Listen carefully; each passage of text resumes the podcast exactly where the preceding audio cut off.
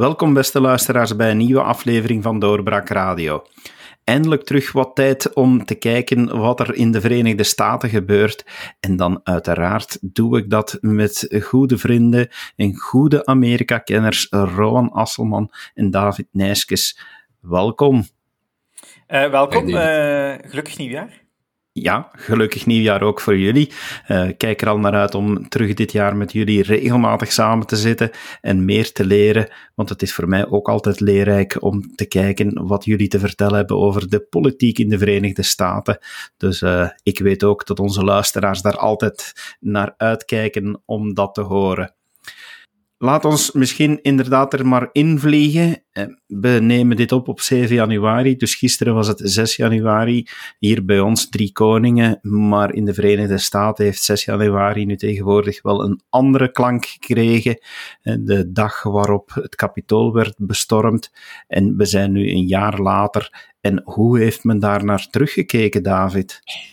Wel, wat we gisteren gezien hebben, is in feite het was in feite heel interessant om een beetje te kijken hoe dat de uh, Democraten naar kijken, hoe dat de Republikeinen er naar kijken. Uh, misschien wil ik daar van de Republikeinen op het einde nog uh, even iets kort zeggen. En dan meer bepaald over de uitspraak van uh, senator Ted Cruz. Maar het was om te beginnen bij de Democraten. Het is zeer duidelijk dat de Democraten wat er gebeurd is vorig jaar. En de mensen die nog eens onze analyse willen weten over wat er vorig jaar, die verwijs ik naar de podcast van vorig jaar, want ik ga daar inhoudelijk niet meer op ingaan. Maar wat we voornamelijk toen gezien hebben, of gisteren gezien hebben, is die politieke rec uh, recuperatie. En voornamelijk de politieke hyperbolen die in het rond vlogen. Voornamelijk vond ik bij, toch zeer opmerkelijk bij zowel de vicepresident als de president. Hè. Het was de vicepresident Kamala Harris, die in een vergelijking had in, wat met Pearl Harbor en 9-11. Ik herinner u, Pearl Harbor, 9-11, twee keer 3000 Amerikaanse doden geweest. Uh, Biden had het over de vergelijking met de Amerikaanse burgeroorlog. 1 miljoen doden en generaties Amerikanen opgezadeld uh, met trauma's. Zelf nog tot op vandaag in sommige uh, delen van het land. Het is in feite... Wat, ik heb vandaag een stukje in Bloomberg gelezen, wat mij in feite zeer zeer hard aantrok en wat ik feite zeer interessant vond. Want men heeft, het, het Amerikaans congres heeft ook een January 6 Committee, waar men uh, een soort van onderzoek doet naar wat er gebeurd is op die uh, eh, 6 januari vorig jaar. Het is in feite een, het wordt, de Republikeinen zeggen dat dat een volledig partijdig uh, iets is.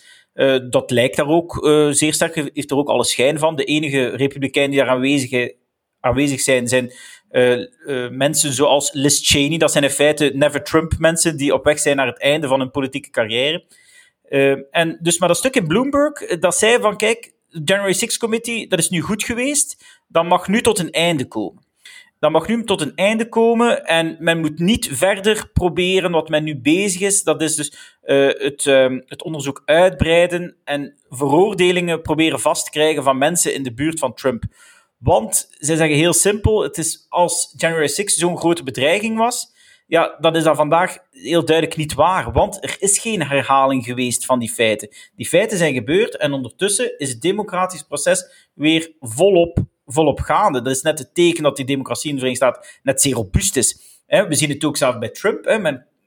Sommige, dus die democraten willen dan voor een stuk bewijzen dat het een soort van staatsgreep is vanuit, uh, van, vanuit Trump en dergelijke meer. Er is natuurlijk niks van bewijs over. Maar het ding is, we zien dat, dat een Trump vandaag terug wil meedoen met het normale politieke proces. Hij haalt fondsen op. Uh, hij spreekt dat hij misschien kandidaat gaat zijn in 2024. Dus ik wil maar zeggen, hij wil meedoen aan die verkiezingen. Dus met andere woorden, de democratie in de Verenigde Staten die heeft toch wel stand gehouden. Tenzij natuurlijk dat de republikeinse kritiek terecht is en men wel degelijk een partijdige heksenjacht wil om ervoor te zorgen dat Trump zich geen kandidaat meer kan stellen. En blijkbaar wil dat dus zeggen dat zij dus nog steeds geloven dat Trump terug kan komen en dat er een soort van angst is voor hem. Ja, ik, ik, sluit me daar grotendeels bij aan. Ik denk, eh, we, moeten natuurlijk niet, niet en David natuurlijk ook niet, maar het is heel aantrekkelijk om, om, om te vervallen in makkelijke zwart-wit tegenstellingen. Hè. Er, is, er is zeker, want David geeft goed de democratische kant weer. Ik denk aan republikeinse zijde is er ook wel zeker een, een, een neiging, zeker bij de, laten we zeggen, de hardcore Trump-elementen van de partij, om, om January 6th ook te minimaliseren. Hè. We mogen het niet maximaliseren, zoals David correct aangeeft. We moeten natuurlijk ook niet vergeten dat wat daar gebeurd is wel een zwarte pagina is uit de Amerikaanse geschiedenis. Um, natuurlijk, hè, wat Harris daar doet, hè, de vicepresident, door dat in één lijn te plaatsen uh, met Pearl Harbor en 9-11, ja, dat is natuurlijk, ja, dat is degoutant eigenlijk om dat te doen. Dat is de, de nalatenschap van, van die slachtoffers van die dagen eigenlijk compleet uh, ridiculiseren. Um, maar ik, ik, ik, denk dat, zoals wel zo vaak het geval is, dat de nuance een beetje zoek is in het Amerikaanse debat. Hè. Um, en ik denk vooral, en, en dat, misschien David zal er ook nog wel op inpikken, um, maar wat belangrijk is, is dat er zeker, allee, niet zeker, dat er aan democratische zijde uh, een, een beetje een vuil spelletje wordt gespeeld, denk ik, als het gaat over um, de betrokkenheid en de schuld van bepaalde mensen uh, bij January 6th. Er wordt, een, er wordt een retorisch trucje of een politiek trucje toegepast, waarbij dat um, iedereen die Trump op een of andere manier steunde, ministers, parlementsleden of kiezers, mensen die voor hem gekozen hebben, omwille van welke reden dan ook, omwille van belastingverlagingen, omwille van immigratie, omwille van um, uh, uh, rechterbenoemingen, hè, dus de Supreme Court bijvoorbeeld, dat die allemaal op een of andere manier in verschillende gradaties, maar toch allemaal schuld treffen aan wat er op 6 januari gebeurd is, de bestorming van het Capitool. Terwijl natuurlijk er enkele honderden mensen waren die zich ook wel degelijk naar die locatie hebben begeven. We hebben het niet over de tienduizenden die op de manifestatie ervoor aanwezig waren. Want uiteindelijk zei, dat was misschien, ja, ik vind dat trouwens, het was een, geen, verstandige manifestatie, maar die hebben zich niet uh, verlaagd tot geweld. Die enkele honderden worden nu gebruikt uh, om eigenlijk die was het 80 miljoen mensen die voor Donald Trump hebben gestemd, en die hem door vier jaar lang gesteund hebben, om nu hen mee te betrekken um, en een beetje weg te zetten als ja, deplorables, hè, om het met, met de tegenstander van Donald Trump in 2016 uh, met die woorden te gebruiken. Dus dat is, uh, denk ik wel, een, een, een politiek trucje dat wel zeer, dat, dat zeer doorzichtig is. Ja, en daarnaast wil ik toch nog toch ook nog even heel duidelijk maken. Er zijn vandaag nog altijd, ik bedoel, er zijn vandaag een heleboel mensen die meegedaan hebben in die, in die rellen in feite. Hè? Want er is een verschil tussen, we hebben dat vorig jaar ook al allemaal gezegd, hè, van naar de Trump-rally geweest zijn uh, op, op de mall. Uh, dan is er nog een verschil tussen u naar het kapitool begeven en daarbuiten staan roepen. Wat in principe geen, geen, misdrijf, geen, misdrijf, geen misdrijf is natuurlijk, maar u vijandig gedragen. En wat we dus, dus die vijandigheden die we gezien hebben, we hebben dat allemaal gezien, was zeer duidelijk. Maar de vraag is, veel van die mensen die zitten vandaag in de gevangenis. En nu moet men soms eens de, de vraag stellen, en dat was ook een, een ander zeer interessant stuk, en als ik, dat was in de Spectator vandaag, en dat ging over hoe gaan wij in de Verenigde Staten om met dergelijke zaken. En dat het soms heel belangrijk is om u grootmoedig uh, ook uh, op te stellen. Want het is zo dat de, de, uiteindelijk de fundamenten van de democratie zijn niet aangetast geweest. De verkiezing van Joe Biden is kunnen doorgaan. En van, daarom wil ik vandaag gebruik maken om een kleine geschiedenisles te geven. En dat gaat over de Chase Rebellion. Chase Rebellion uh, is in 1787 was uh, Shea, een veteraan uit de Revolutionaire Oorlog. Die was uh, kwaad op de federale overheid. Die vond dat de federale overheid niet deed wat het, uh, wat het moest doen. En besloot een leger, een soort huurlingenleger, te verzamelen om de regering omver te werpen. En hij, begon, en hij, en hij, hij, hij, viel een legerkamp aan. En uiteindelijk, het leger, de mensen van het leger schoten als eerste. Enkele mensen van Shea zijn troepenmacht van enkele duizenden, uh, stierf en uh, ze gingen allemaal lopen.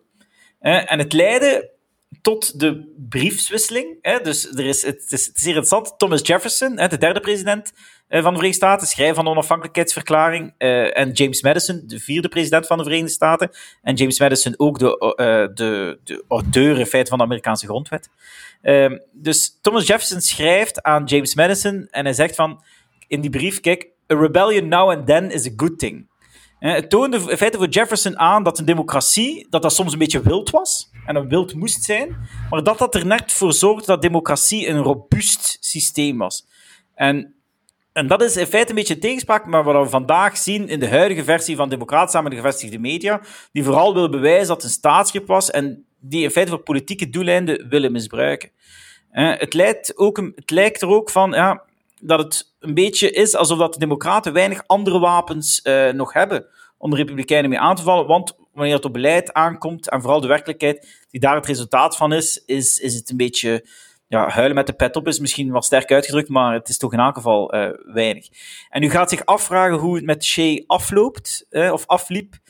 Iedereen is daar, heeft daar een pardon gekregen. Dus iedereen is vergeven geweest en uiteindelijk is dat, is dat allemaal goed gekomen en is dat in feite gewoon nog een voetnoot in de geschiedenis die wij vandaag kunnen delen met elkaar. Gelukkig kunnen jullie die voetnoten uh, nog herinneren, maar als we naar het heden kijken, er zijn er toch ook ja, heel veel, je refereerde er al naar, David, die ervan uitgaan dat Trump uh, nog niet van het toneel verdwenen zal zijn uh, bij de volgende verkiezingen. Hij verga vergaart weer fondsen op dit moment. Maar is er niet ook een deel van de Republikeinse Partij die dat, dat liever niet zou zien en die nu wel bereid is om hem eigenlijk onder de radar mee te slachtofferen via die commissie? Wel, ik denk dat het zeer duidelijk is dat dat niet het geval is. En ik ga je het voorbeeld geven van wat ik vandaag gezien heb. Het was een interview met, uh, van Tucker Carlson met Ted Cruz. Senator Ted Cruz. Ted Cruz, conservatieve senator uit Texas. Uh, tegenstander van Trump in, 2000, uh, in, 2006, in 2016 bij de voorverkiezingen bij de Republikeinen. Het is zo dat Ted Cruz heeft eergisteren gezegd, als ik me niet vergis, het was in de Senaat, hij sprak over terroristen uh, die het kapitool hebben aangevallen. En het is, uh, dus, hij noemde in feite dus die mensen die het kapitool zijn binnengedrongen, die daar op, gevochten hebben met die politieagenten en dergelijke meer. Hij noemde die mensen terroristen. En hij werd zeer hard aangepakt door Tucker Carlson.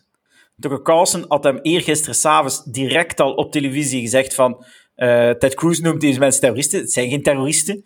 Het zijn, bedoel, het, is, het zijn criminelen, maar het zijn geen terroristen. En het is zo erg dat Ted Cruz speciaal heeft, heeft contact opgenomen met Tucker Carlson om zich te gaan, hoe moet ik het zeggen, om, om, om, om zich te gaan verdedigen terwijl dat hij dat gezegd heeft. En Ted Cruz heeft daar gezegd, ja, nee, sorry, ik heb hem misproken, ik was te sterk die mensen die, we zijn het toch eens dat mensen die, die, die politieagenten, ik noem die altijd terroristen en zo. En als je dat interview bekijkt, dan zie je echt dat die Tucker Carlson Cruz echt afmaakt. En het probleem is in het, in, in, dat, dat het zo duidelijk is dat Cruz nog een politieke toekomst wil. En dus, met andere woorden, die mensen, of veel, dat er uh, bang is uh, dat er heel veel sympathie is sympathie aan het ontstaan is voor, uh, laten we zeggen, voor, niet voor de mensen die het kapitool zijn binnengedrongen, maar op tenminste sympathie is voor de mensen die in de buurt van het kapitool waren. Ik heb ook op mijn Facebook, uh, uh, zag ik iemand, iemand, die ik persoonlijk ken, die daar aanwezig is geweest en rond het kapitool stond, die zichzelf een Capital Vet noemde, een veteraan van het kapitool. Dus ik wil maar zeggen, het is zeer opmerkelijk dat, dat zelf uh, daar zeer sterk uh, afstand van nemen, of dat aanval als republikein de facto al bijna not done is, laat staan Donald Trump onder de bus gooien. Daar heeft de enige mensen die dat doen zijn Liz Cheney, Adam, Adam Kinzinger, zoals ik daarnet zei, zijn mensen die op weg, die op weg zijn naar de uitgang van een politieke carrière. Ja, maar Rowan, denk, denk jij dan niet dat het, dat het hè, er werd ook al een allusie op gemaakt, dat deze commissie toch niet alle kansen gaat grijpen om Trump buitenspel te zetten, zodat hij niet meer verkiesbaar is? Maar ik, ik, denk, ik denk gewoon dat zelfs als ze dat zouden willen, dat dat niet mogelijk zou zijn. Hè. Naar mijn begrip is er geen, er is geen directe link te vinden tussen Donald Trump als, uh, als, als, als politicus, als, uh, als, als leider van een partij, zeg maar. Uh, en wat er daar gebeurd is op 6 januari. Ik bedoel, ja, dan, en, en, ik heb misschien zelfs, een, ik denk misschien dat wat ik nu zou zeggen, zou mij niet, zou mij niet, uh, zou mij geen grote um, populariteit bezorgen in republikeinse cirkels in Amerika. Maar ik denk wel degelijk dat Donald Trump een, een, geen, geen juridische verantwoordelijkheid draagt voor, voor wat er daar gebeurd is. Maar ik denk zeker um, dat, dat zijn gedrag tijdens die rally en in de maanden in, in, de aanloop van, van die rally en van die, van die bestorming uiteindelijk van het kapitool, dat dat te wensen overliet. Um, ja, en even, maar, even maar, duidelijk, dat is exact wat we vorig jaar ook gezegd hebben. Hè? Klopt. Dus, klopt, en ik ook, hè, we hebben dat beiden gezegd, dus we onderschrijven dat beiden. Hè? Ja. ja. nee, nee, klopt. Um, we zijn daar inderdaad consistent in geweest. Um, punt is natuurlijk wel dat, ik bedoel, ik zal het zo zeggen, wat de mensen over Donald Trump kunnen denken, in het kader van de bestorming in het kapitool, denken ze nu al. Het is allemaal openbaar. Donald Trump heeft geen, er was geen geheime samenzweringstheorie waarbij Donald Trump van plan was om, uh, en hij de leiding had over, over een complot om, om, om, de, om de verkiezing uh, van Biden te ontnemen door, door uh, een, een select huurlingenleger zoals Shea op, het, op het kapitool los te laten. Hè. Kom aan, laten we een beetje serieus blijven. Um, dus ik, ik denk, in zoverre dat de mensen een negatieve opinie kunnen hebben over Donald Trump, hebben ze die al. En ik denk niet dat er nog skeletten, uh, er are no skeletons in the closet. Hè. Er, er gaat niks meer plotseling naar boven komen. Uh, moest ik mij vergissen, zullen we dat in een latere podcast kunnen uh, corrigeren, maar ik denk het niet. Um, wat ik wel denk is, en, en, en dat, ik kan daar zeker verkeerd in zijn, wat ik wel denk is dat sommige peilingen misschien, dat is misschien, het is maar een ideetje, de steun voor Trump als persoon overschatten. In die zin dat ik denk, en dat heeft David ook al verschillende keren aangehaald, dat Donald Trump de Republikeinse Partij voor zeker een generatie een nieuwe wending heeft gegeven.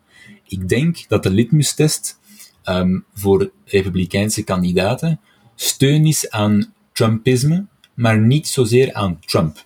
Uh, die twee gaan wel vaak hand in hand. Hè, daar moeten we niet flauw over doen. Ik denk dat, je niet, het moeilijk is om kritiek te hebben op Donald Trump zonder uh, ook kritiek te hebben op zijn, uh, op zijn meer ja, controversiëler beleid en omgekeerd.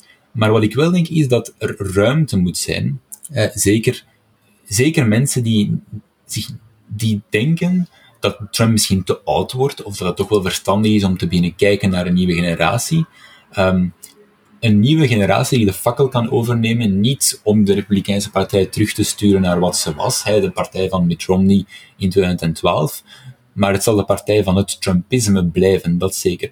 En ik denk, en ik, ik weet, hè, ik heb net zoals zoveel een, een universitaire cursus in statistiek gekregen, en ik weet dat steekproeven waar zelfselectie gebeurt niet te vertrouwen zijn, maar toch, Matt Walsh, dat is een vrij populaire uh, conservatieve commentator met uh, bijna een miljoen volgers op Twitter, die had eens een peiling georganiseerd en daar hebben toch 80.000 mensen aan deelgenomen, waar gevraagd werd, um, wie zouden jullie het liefst als republikeinse presidentskandidaat zien, Ron DeSantis of Donald Trump? En de uitkomst van die peiling was 75% voor Ron DeSantis en 25% voor Donald Trump. Waarom is dat interessant? Is dat, is dat een is dat een rebuke? Is dat een, een, een afrekening met Donald Trump? Nee, totaal niet. Want in zekere zin is Ron DeSantis de jongere uh, en misschien verstandigere, slimmere, IQ-punten gewijs dan Donald Trump. Dus ik denk dat wat er gaat gebeuren is, als Donald Trump zich kandidaat zou stellen, is de kans zeer groot dat hij het haalt. Maar als hij het niet zou halen, dan gaat het nog altijd een, een, een Trump 2.0 zijn. De betere versie van Donald Trump. Maar de partij zal nooit, allez, niet, ik zeg niet nooit, maar zal nooit een, uh, een Mitt, Mitt Romney zou, de, de, meer centrumkandidaat van 2012, die, gaat, die zou in, vandaag in een, in een republikeinse voorverkiezing geen 10% halen. Dus ja, Donald Trump heeft de partij veranderd. Um, en hij zal zeker een, een, blijvende rol blijven spelen, dat is, dat is, dat is zeker. Ja. Ik denk dat de eerste indicatie sowieso zullen we nu zien eind november, eh, begin november. Hè. Dus uh, dit jaar, we hebben nu de midterms als de Republikeinen, daar ziet het toch naar uit. We zullen er nog later op terugkomen. Uh, toch een grote verkiezingsoverwinning gaan binnenhalen. Uh, dan zal dat heel duidelijk, dan zullen we moeten zien in hoeverre dat Trump daar geholpen heeft. En ik denk dat hij daar zeer, geholpen, zeer zwaar zal geholpen hebben.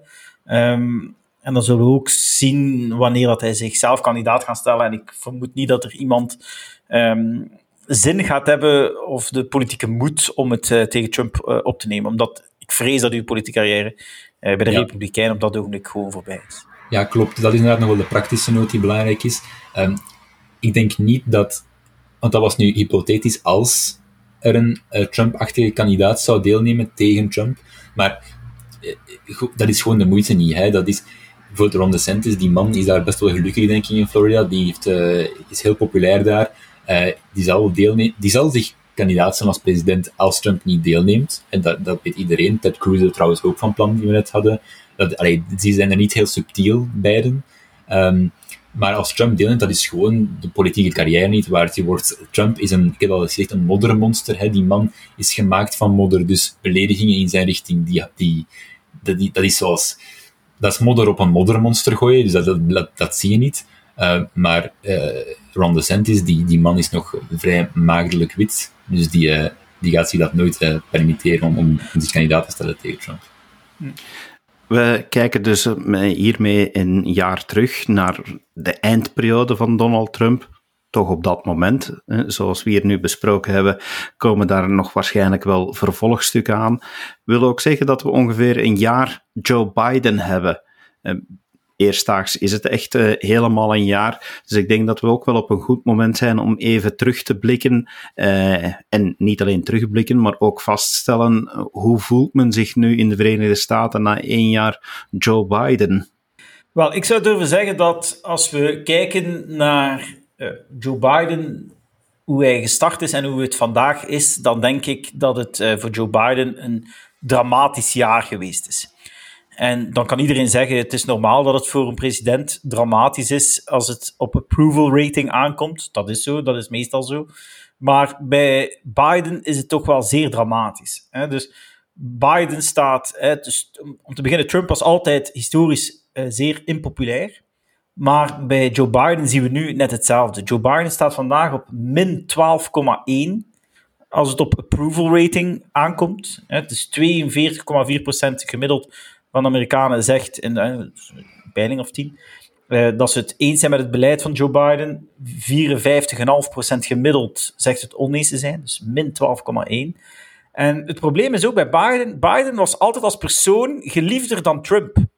En dat zien we zelf vandaag, dat dat in peilingen, uh, dat die twee gelijk staan met zelf een licht negatief voor Biden. Hè. Biden staat er op min 10,6, Trump op min 9,9.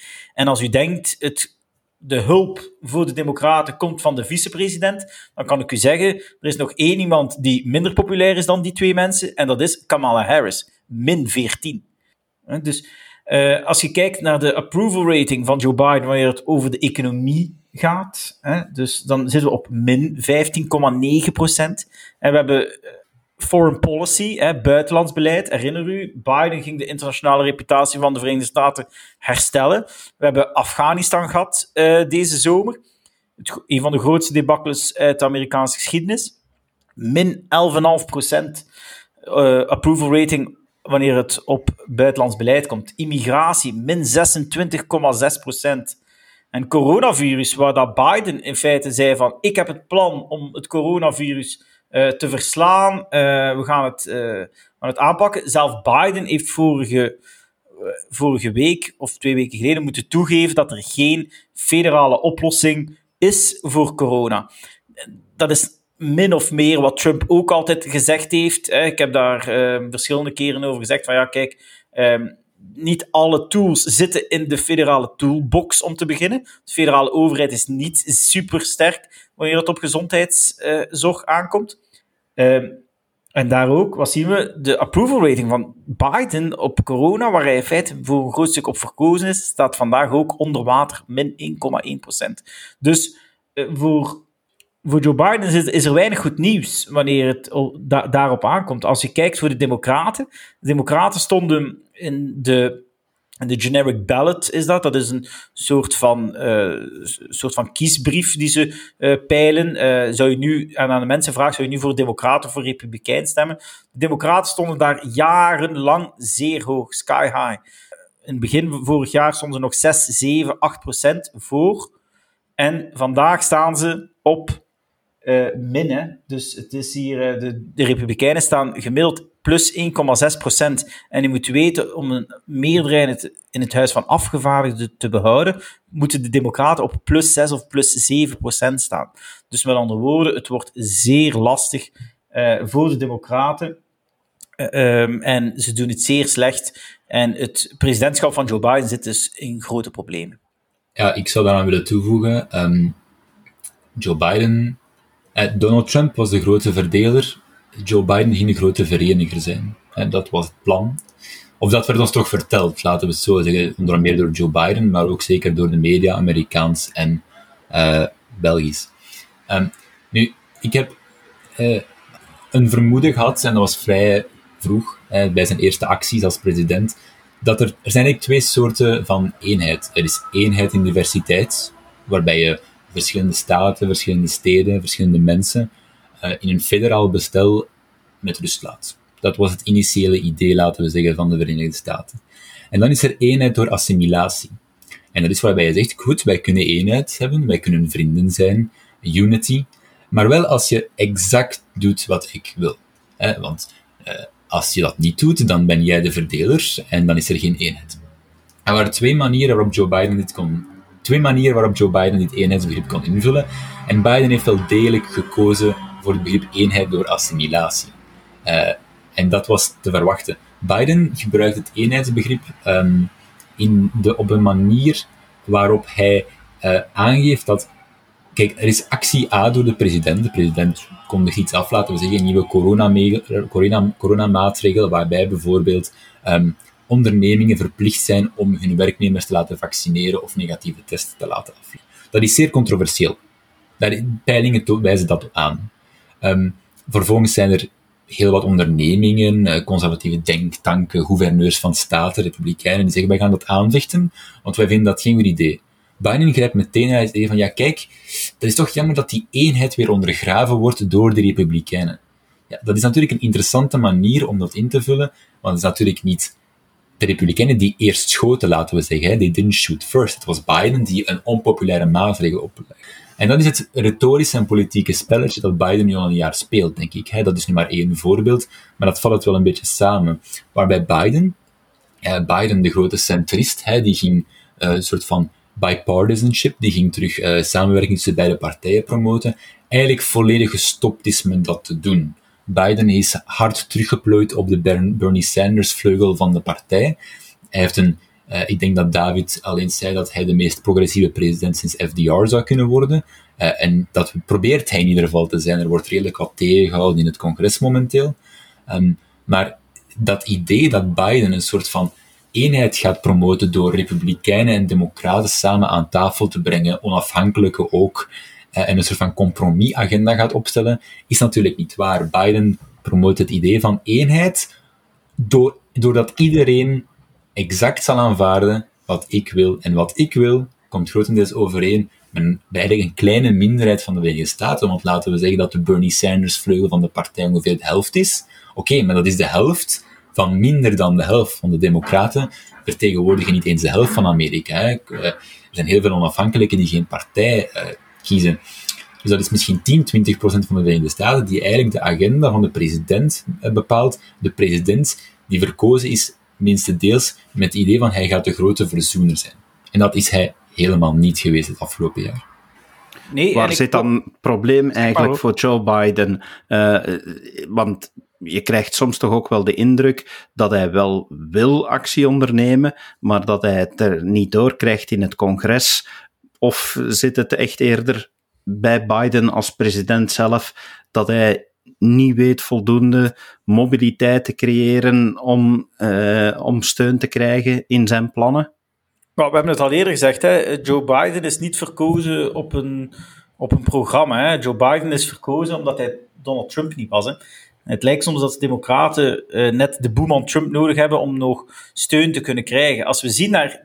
We, moeten, we kunnen toch niet, niet heen rond, uh, rond de persoon van Joe Manchin.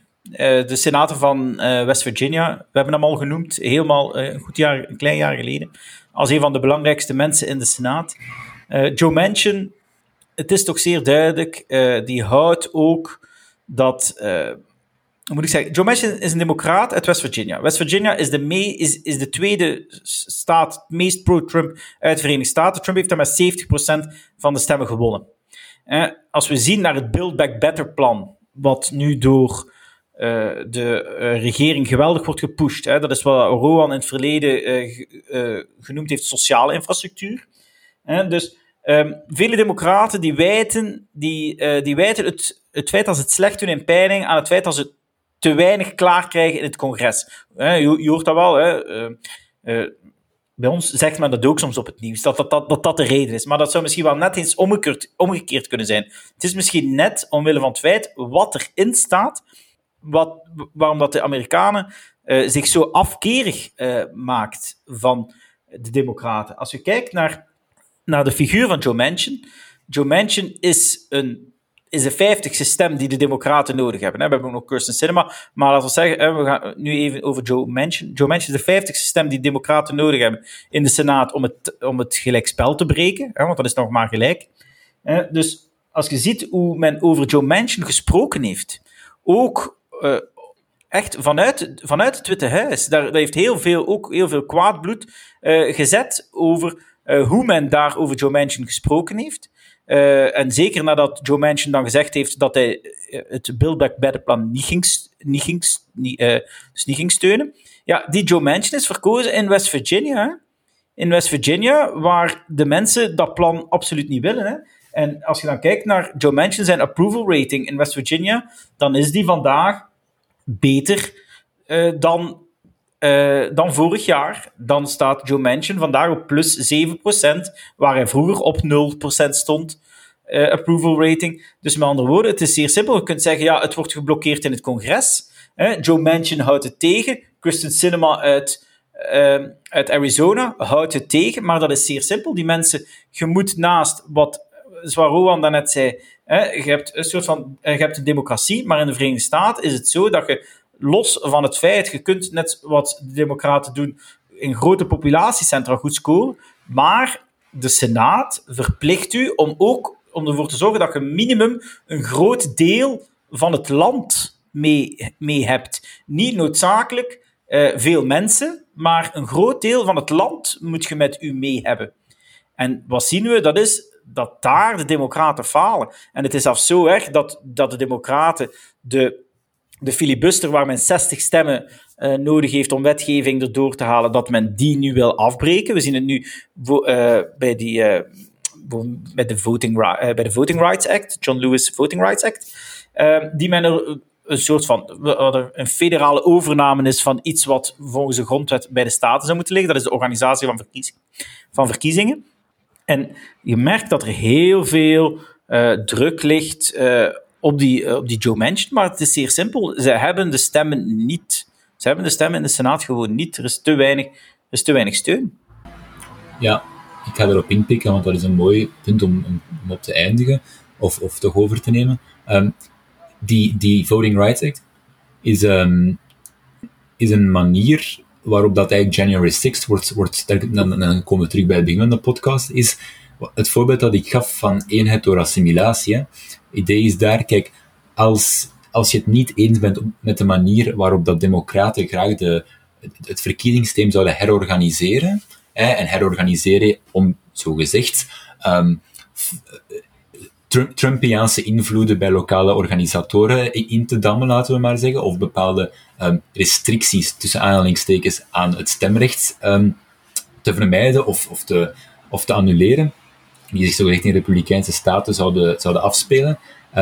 Als je het daar niet mee eens bent, ja, dan ben jij opnieuw de persoon die de eenheid tegengaat. De, Joe Biden heeft zich trouwens van zijn lelijkste kant getoond als het gaat over, over, die, um, over het voting rights debat. Hij heeft daar republikeinen in het zuiden van het land, uh, Texas bijvoorbeeld, eigenlijk uitgescholden voor, voor racisten of mensen die toch onder één hoedje spelen met racisten. Hij heeft daar uh, eh, referentie gemaakt naar, naar Jim Crow-era. Dat was de periode eh, in de geschiedenis van de Verenigde Staten waarbij zwarte Amerikanen door, op een juridische manier, maar ook door, door geweld, um, um, hun stemrecht werden ontzegd.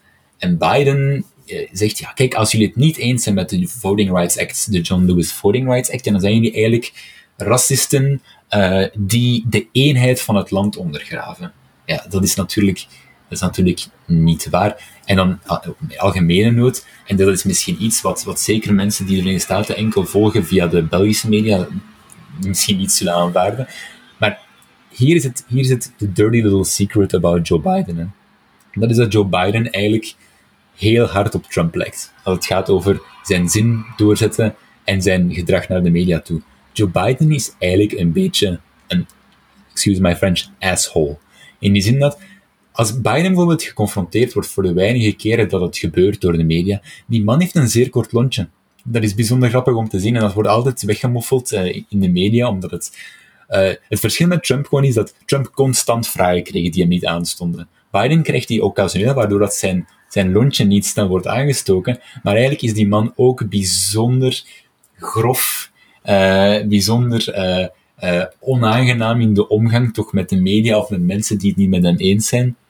Maar het is belangrijk omdat dat beeld van Joe Biden, hè, en veel is symboliek en een beetje poëzie in de Verenigde Staten, hè, dat, dat beeld van Joe Biden als de vriendelijke opa, eigenlijk is dat slimme PR geweest van zijn team.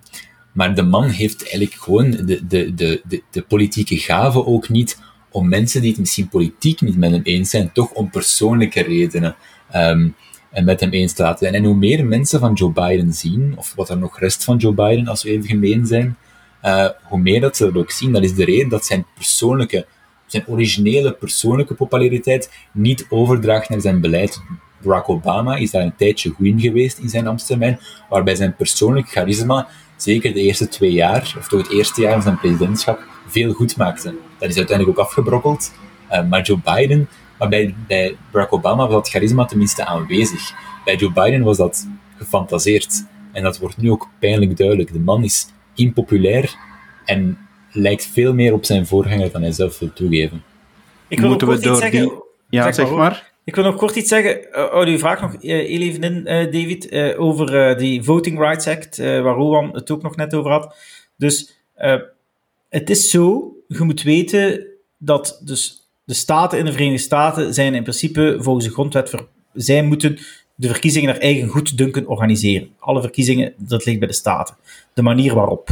Als ik in de media hoor, en het is zeer belangrijk dat de luisteraar dat weet, wanneer het gaat over het moeilijker maken om te gaan stemmen, met, hoort dat wel een keer, de Republikeinen willen het moeilijker maken om te gaan stemmen. Dat wil zeggen, een identiteitskaart tonen, een identiteitsbewijs tonen dat je gaat stemmen. 65% van de Amerikanen is daar voorstander van, dat je dat zou moeten doen. Dat is bij ons net hetzelfde. Uh, het feit dat men in sommige staten het briefstemmen een beetje wil aanpakken, in de zin van dat men een stembiljet moet vragen en niet louter één opgestuurd krijgt. Hè? Uh, dergelijke zaken, dat men een identiteit moet kunnen, dat men ook die identiteit van die stemmer moet kunnen verifiëren.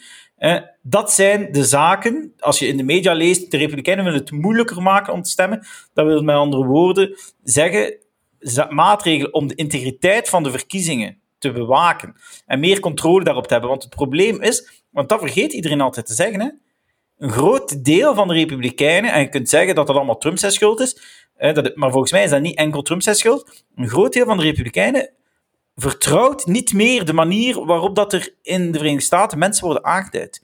En dan zijn er sommige staten die uh, maatregelen invoeren om ervoor te zorgen dat het geheim van de verkiezing, uh, dat, er maar één, dat, je maar één keer een stem kunt uitbrengen, uh, dat die maatregelen, die, wil men, die wil men strenger maken om de integriteit van verkiezingen te waarborgen. Ja, ik, ik kan dat in één zin samenvatten. Hè mensen die, uh, commentatoren of gewoon mensen die zich laten beïnvloeden door de Belgische media, ik wil niet te grof zijn, maar als je denkt dat er een probleem is met de manier waarop de Republikeinen graag de verkiezingen willen inrichten in de Staten, en daar wil je tegen protesteren, online of anders, dan moet je ook protesteren tegen de manier waarop de verkiezingen in België worden gerund. Want wat de Republikeinen eigenlijk proberen in te voeren, is een systeem dat veel meer lijkt op wat er in België momenteel geldt. één verkiezingsdag. Um, bij volmacht stemmen zeer uitzonderlijk. Um, um, identiteitspapieren tonen wanneer je wil gaan stemmen. Dat is een systeem dat hier in België momenteel zonder probleem uh, veilige, verkiezingen, veilige en vrije verkiezingen garandeert. Dat systeem dat wordt nu in de Verenigde Staten aangevallen onder een noemer van racisme, Jim Crow, uh, walgelijk. Dus laten we eerlijk zijn, als u nooit geklaagd heeft over het verkiezingssysteem in België, dan is er geen probleem met het verkiezingssysteem zoals voorgestaan door de Republikeinen. Ik denk dat dat een punt is waarop we kunnen afsluiten op dit moment. Het zal zeer interessant zijn om over een paar weken even terug te kijken wanneer dat, dat uh, punt uh, voorbij is gegaan waarop Joe Biden één jaar president is en dat we dan samen kunnen kijken of dat er verandering in zijn beleid misschien komt. Dankjewel Rowan, dankjewel David voor jullie bijdrage deze keer. Graag gedaan, David. En u, beste luisteraar, bedankt dat u geluisterd hebt. Blijf zeker onze podcast volgen en binnenkort komt er opnieuw een blik naar de Verenigde Staten. Tot de volgende keer. Dag. Dit was een episode van Doorbraak Radio, de podcast van doorbraak.be. Volg onze podcast op doorbraak.be/radio of via Apple Podcasts, Overcast of Spotify.